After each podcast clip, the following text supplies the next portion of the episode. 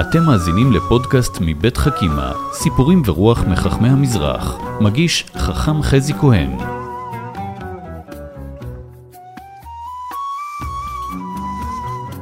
שלום לכם, אתם בפודקאסטים של חכימה, סיפורים ורוח מחכמי המזרח.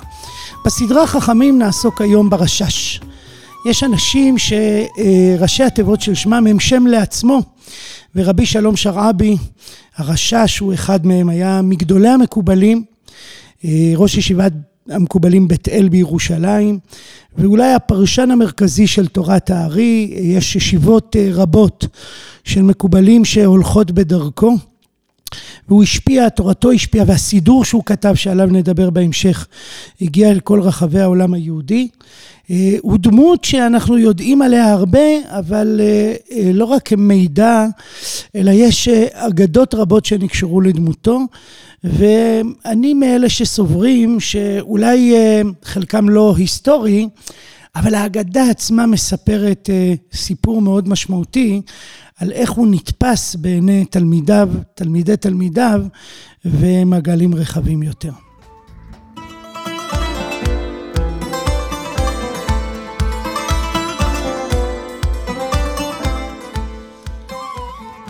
אז הרשש נולד בתימן.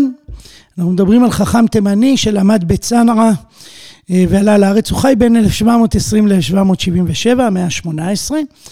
ושני סיפורים, אני חושב, מספרים את סיפור עלייתו לארץ. האגדה, או הסיפור הראשון, מספר שהוא היה סוחר בתימן. הסתובב בכל מיני מקומות, מכר את סחורתו, ופעם אחת הגיע לאחד היישובים, ואישה מוסלמית הזמינה אותו אל ביתה כדי שיפרוס את מרכולתו והיא תקנה ממנו. והיא נועלת את הדלת ובעצם דורשת לקיים איתו יחסי אישות. ושלום שרעבי, אולי אז עדיין לא רב, מסתכל עליה, מסתכל על כל רכושו שנמצא כאן, מבין שהוא בצרה גדולה, מה הוא יברח, יישאר, הוא לא רוצה לחטוא, ואז הוא אומר לה, תשמעי, בסדר גמור, אני מקבל, בוא נעלה לקומה השנייה. כשהם עולים לקומה השנייה, הוא רואה את החלון פתוח, הוא קופץ דרך החלון, נוטש את כל רכושו, הוא בורח מביתה, ובאופן ניסי ניצל. והקפיצה מהקומה השנייה לא פוגעת בו. זה הסיפור הראשון, ומספרים שבעקבות האירוע הזה הוא מבין שהוא מסובך, כי האישה בטח תתלונן שהוא ניסה לפגוע בה או משהו כזה, ולכן הוא מבין שהוא צריך לברוח מתימן ולעלות לארץ. הוא יוצא דרך בומביי, מגיע לבגדד, ופה אנחנו פוגשים את הסיפור השני. על רבי שלום שרעבי, והסיפור הוא שהוא נכנס אל בית המדרש בבגדד, והם עוסקים שם באחד הפסוקים שעוסקים במילה כה, כה תדבר, והמילה הזו כה בעברית פשוטה כך, אבל בעולם הקבלה המשמעות שלה היא אחד מתיאוריו של הקדוש ברוך הוא. גם המילה זה בהקשרים אחרים מתארים את הקדוש ברוך הוא. והסיפור מספר שכשהוא יושב שם בלימוד, הוא חווה חוויה מאוד עזה. והוא אומר, כה חרקת גלבי, המילה כה שורפת את ליבי, גלבי זו מילה יפה, פירושה לב, גלבי, או שומעים את הלמד והבית של העברית, אבל אומרים אותה בהגיות שונות, אם אתה עיראקי היית אומר קלבי, בקוף, גרונית, מכיוון שהוא תימני אז הוא אומר גלבי, והוא אומר, הדי כה חרקת גלבי, הכה הזה שורף את ליבי. והאמירה הזו היא אמירה שנחרטה בזיכרונם של הלומדים, ומאה שנה אחר כך הבן איש חי עוד מספר את הסיפור. אני חושב שהסיפור הזה מלמד על עוצמת הדבקות וההשתוקקות, ההתעלות הרוחנית שחווה הרשש מן הפסוקים, המונחים הקבליים, הסימבוליים, כה זה ביטוי שמצביע, זה ביטוי שחש ודאות, והרשש שלימים יהיה איש של שמות, איש כוחו יהיה בכוונה, הגדרת הכוונה של המילים בתפילה, כבר בסיפור הזה שומעים כיצד הוא מבין, הוא מזהה את, את הקדוש ברוך הוא בתוך המילה כה, וחש איזו התרגשות עצומה עד כדי כך שהמילה כה שורפת את ליבי. והציר הזה שבין הסיפור עם האישה שניסתה לפתותו, והדבקות שלו, וההתעקשות שלו, והמוכנות שלו, לסכן את חייו. מי ששומע פה את סיפור יוסף ואשת פוטיפר, אני חושב שהוא צודק. ומצד השני, הדבקות שלו בפסוקים, התחושת אה, נוכחות אלוהית מוגברת כל כך בעולמו, אלה הם סיפורים שבעתיד, אה, בעתיד של חייו, יבואו לידי ביטוי.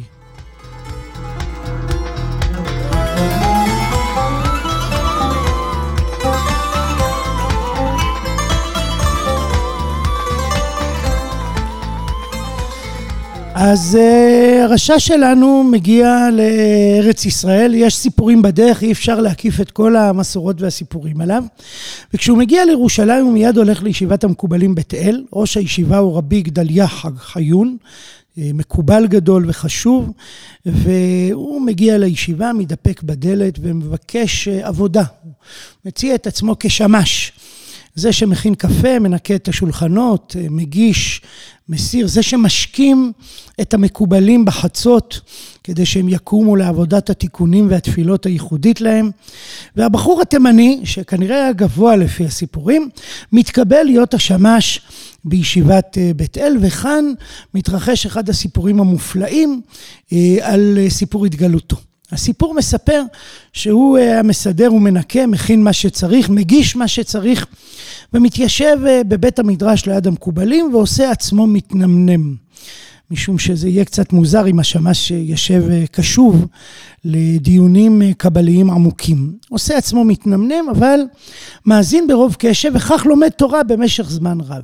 לימים, אחד הימים, האודלה חיון מעלה שאלה מאוד מסובכת, ואין פתרון לשאלה, שום אחד מיושבי בית המדרש לא מצליח לפתור אותה, ומסיימים את היום והולכים לביתם, אבל רבי שלום שרעבי, שמבין היטב בעולם הקבלה ויש לו נפש גבוהה, אה, יושב ועולה על פתרון, כותב אותו ומחביא אותו בתוך הספר של רבי גדליה חיון. למחרת אה, הם מגיעים לבית המדרש, רבי גדליה חיון פותח את הספר ולהפתעתו יש פתק עם תשובה נפלאה. שמשיבה על הקושייה מיום אתמול. הוא מיד שואל מי כתב את זה, וממש מנסה לגרום, ללחוץ על כולם שיגלו מי הכותב של התורה הנפלאה הזו, אבל אף אחד לא מודה משום שבאמת אף אחד לא כתב את זה. עוברים הימים ושוב קושייה בבית המדרש ושוב רבי שלום שרעבי שעושה עצמו מתנמנם על הספסל כותב תשובה מחביא אותה בספר ולמחרת רבי גדליה חיון מוצא את התשובה. ופה כבר מבינים שיש משהו, אבל לא מצליחים לפתור את החידה. אה, הבת של רבי גדליה חיון מתחבאת בבית המדרש ורואה שהרב שלום שרעבי יושב, כותב אה, תשובה לשאלה, הוא מחביא אותה בספר. היא הולכת לאבא שלה ומספרת שזה השמש, השמש התימני, שלום, שלום שרעבי. ורבי גדליה חיון מיד קורא לו, משביע אותו לומר את האמת, וכך הם מתוודעים. והסיפור מספר שהוא מיד הציע לו להיות ראש הישיבה. אלא שרבי שלום שרעבי אה, סירב, הוא אמר לו, אתה הגדול בתורה, ואילו רבי גדליה אמר לו, לא, התגלה פה שאתה הגדול בתורה. לפי ההגדה הוא הציע לו את ביתו, הזאת שגילתה את הסוד, ומסתבר שרבי שלום, יש על זה ויכוח, האם באמת הם התחתנו, אבל מה שמאוד ברור זה שלאחר מותו של רבי גדליה חיון, ראש הישיבה הבא היה שמש רבי שלום שרעבי.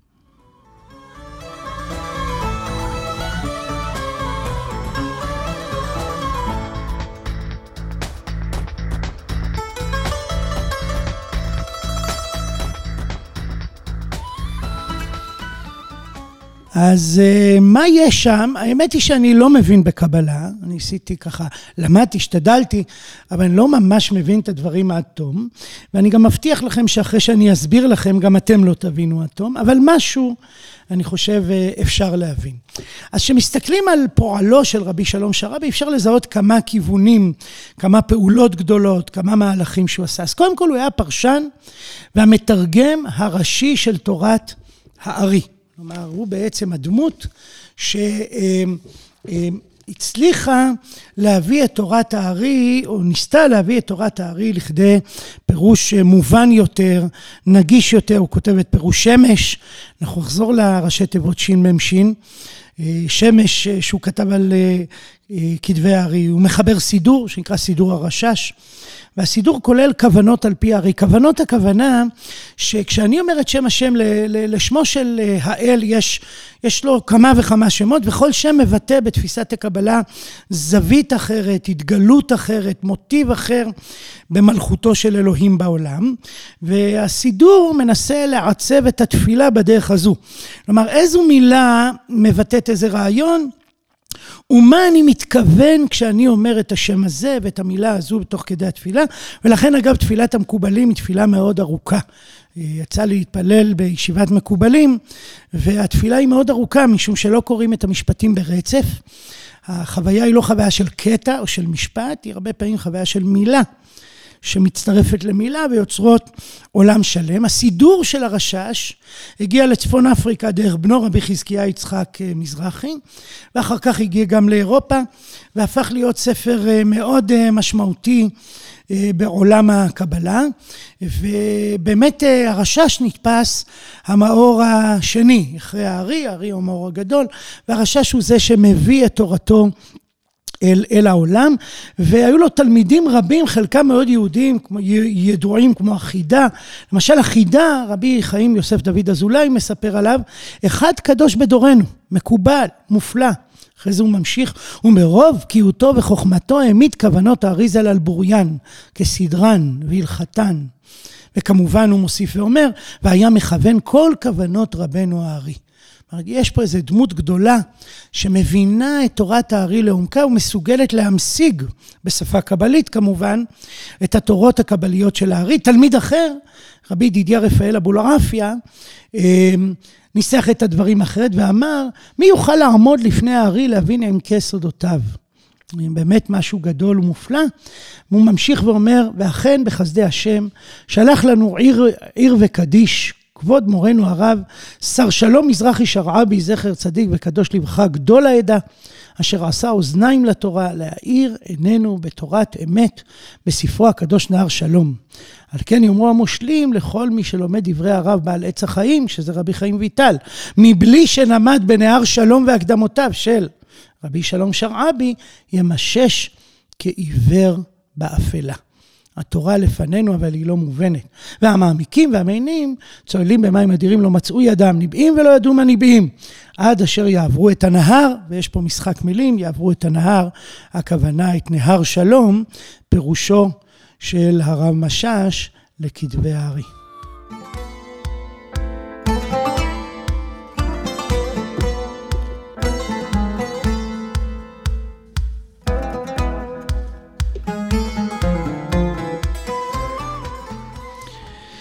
מעבר למפעל הפרשני, התרגומי, ההמשגתי של תורת הארי, רבי שלום שרעבי הקים את חברת אהבת שלום. התופעה הזו של חבורות שעוסקים ביחד בעבודה רוחנית היא לא ראשונה כאן, היא כבר מופיעה קודם, אולי הארי ותלמידיו, זו חבורה אחת, והיא גם מופיעה אחר כך, למשל אצל הרמח"ל.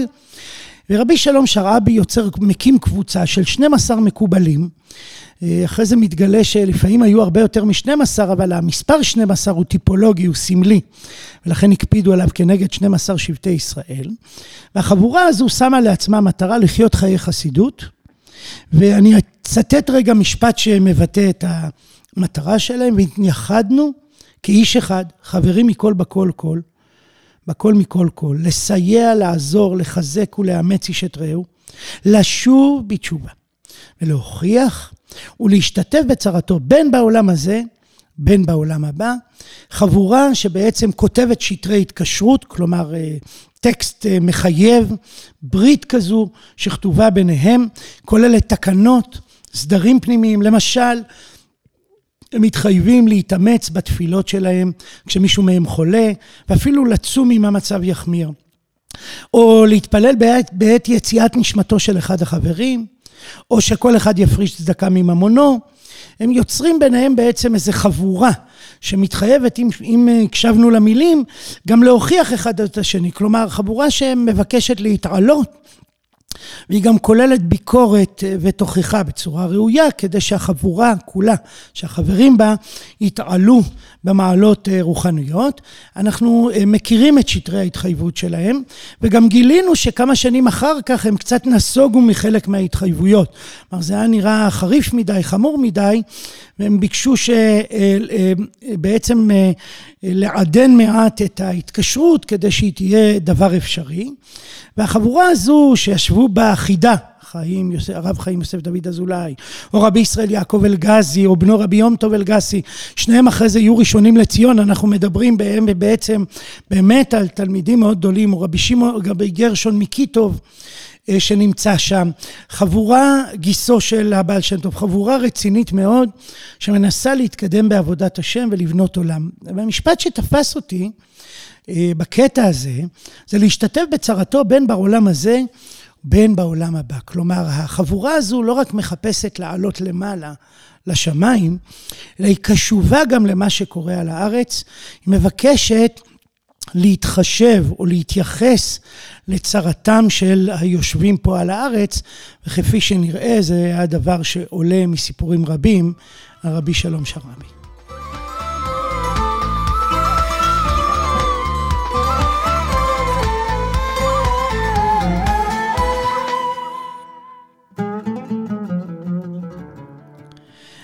ובאמת אה, ישנם אה, הרבה סיפורים על רבי שלום שרבי, על הרשש, אני אספר שניים מהם שמופיעים אצלנו בחכימה, ואני חושב שמבטאים בצורה עמוקה את עולמו. הסיפור הראשון מתרחש כשהוא יוצא ביום חורפי וגשום מאוד מביתו אל אה, הישיבה. המקובלים פעלו בעיקר בלילה, הם התעוררו בחצות, ואז הם היו, תיקנו, הוא תיקן למשל לעשות תיקון חצות בכותל. הם בכלל עסקו בתיקונים, בתפילות על החורבן. השיח הקבלי עוסק הרבה בגאולה, בגילוי אלוהים בעולם, בכמיהה לגאולה, בהחשת הגאולה, בדרכים של תפילה ומדיטציה רוחנית.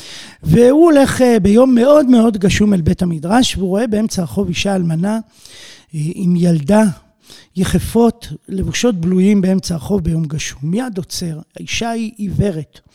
היא לא רואה, אומר לה, שלום עלייך, מה את עושה פה? והיא אמרה, גירשו אותי מביתי. לא שילמנו את מה שהיינו צריכים לשלם, את השכירות, גירשו אותנו מן הבית. אומר לה, בואי, אני אקח אותך לביתי, אשתי נמצאת שם, אה, נעזור לכם, והוא לוקח אותם לביתם, לביתו, ושם הוא ואשתו מרגיעים אותה, אה, נותנים, לה בגדים, נותנים להם בגדים להחלפה, מכינים להם ארוחה אה, חמה, משהו חם לחמם את, אה, את, את ליבם ובטנם, והאישה כולה בהכרת הטוב, היא אלמנה, היא לא רואה, אז היא אומרת, אני מבקש שתאמר לי מי אתה. אני רוצה להודות לך. הוא אומר, מה זה חשוב? תדעי לך, גם אני הייתי אני פעם. אני, עזרו לי, אני עוזר לך, והיא מתעקשת, אני ממש מבקש שתאמר לי את שמך. הוא אומר לה, קוראים לי שלום. והיא לא מוותרת. היא אומרת, אני מבקשת שתאמר לי את השם המלא. הוא אומר לה, שמי המלא הוא שלום שרעבי.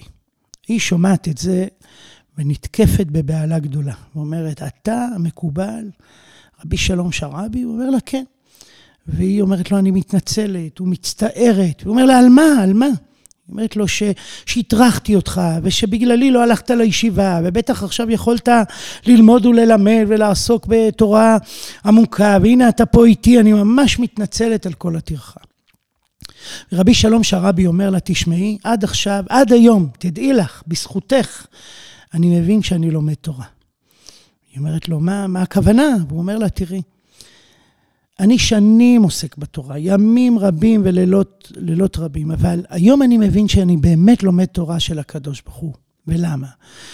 כי כשאני מסוגל לעצור את הלימוד, כשאני מסוגל להפסיק את ההליכה לבית המדרש, כי אני רואה מישהו שצריך עזרה, ואני עוזר לו, הדבר הזה מעיד שאני באמת לומד תורה משמעותית. והסיפור הזה בעיניי הוא עמוק. הרצון אה, להיות בתוך בית המדרש, להיות בתוך עולם הספרים, להיות בתוך עולם הרוח, הוא כל כך עמוק, שלפעמים הוא גם פוגם בארץ. הוא פוגם בהתייחסות האנושית הפשוטה, ההתייחסות המוסרית. הוא שם את הקדוש ברוך הוא שם בשמיים ושוכח את הקדוש ברוך הוא שבארץ. ורבי שלום שרבי אומר לנו, אני מחפש אה, שהתורה תהיה תורה משמעותית גם בארץ. וכשאם צריך לסגור את הספר כדי לעזור לאישה אלמנה וביתה ביום גשום, אז זה בעצם נובע מן התורה, וזה לימוד תורה אמיתי. ככה תורה צריכה להיראות. זה סיפור אחד אה, שמבטא אה, את הרעיון הזה שמצאנו בשטר ההתקשרות, של לא רק אה, להיות בעבודה רוחנית ותשובה ותוכחה, אלא להשתתף בצרתו בין בעולם הזה בין בעולם הבא. הרעיון הזה נמצא כאן בסיפור. והסיפור השני הוא בעיניי סיפור מתוק. אה, שבו יום אחד רבי שלום שרבי מגיע לישיבה בחצות, הפעם הוא לא פגש אישה אלמנה בדרך שזקוקה לעזרה, הוא יושב בבית המדרש, הוא רואה שהחברים לא באים. הוא מבין שהשמש נרדם. לא הצליח לקום, והוא לא מאיר את התלמידים, ולכן חלקם לא באו. הוא לוקח את העששית והולך להעיר את כל החבורה. הוא מאיר אחד-אחד, כולם מגיעים לבית המדרש, אמנם באיחור, אבל מגיעים, והם יושבים ועוסקים בסודות הקבלה, ופתאום אה, מגיע אל בית המדרש, השמש מתנשף לחוץ, השעה כבר מאוחרת, הוא מבין שקרתה תקלה, פשלה גדולה. הוא נכנס כולו מתנשף, הוא רואה שכולם על מקומם יושבים בבית המדרש. הוא אומר לרבי שלום שרבי, תשמע, אני ממש מצטער. אה, שהטרחתי אותך, אה, שומע שרבי שלום שרבי הסתובב ברחבי העיר והעיר את, ה, את התלמידים, הוא אומר, אני מתנצל, כבוד הרב, ראש הישיבה, שככה הטרחתי אותך, ואומר לו רבי שלום שרבי, מה בכך? גם אני שמש. אה, והמשפט הזה משחק לכמה כיוונים. קודם כל, שמו רבי שלום שרעבי, ואם אתם זוכרים, אחד מספריו קשור לשורש שמש, אבל זה בעצם שמש. אה, גם אני שמש, אתה שמש וגם אני שמש. אבל הסיפור מהדהד את העובדה, את תחילת דרכו בישיבת המקובלים בית אל, כשהוא הגיע לשם בתפקיד השמש. ויש פה אמירה מאוד יפה, השמש יכול להיות ראש הישיבה. וגם ראש הישיבה יכול להיות השמש.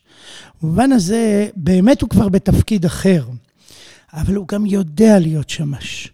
והאמירה הזו חוזרת לסיפור הקודם ואומרת, נכון, אתה נמצא בעולם אחר, אתה בעולם גבוה, אתה ראש ישיבת המקובלים בית אל, אתה עסוק בסודות, אבל, אבל כולנו יש בנו גם צעד שיכול לסייע ולעזור ולהאיר אנשים משנתם כתפקידו של שמש פשוט.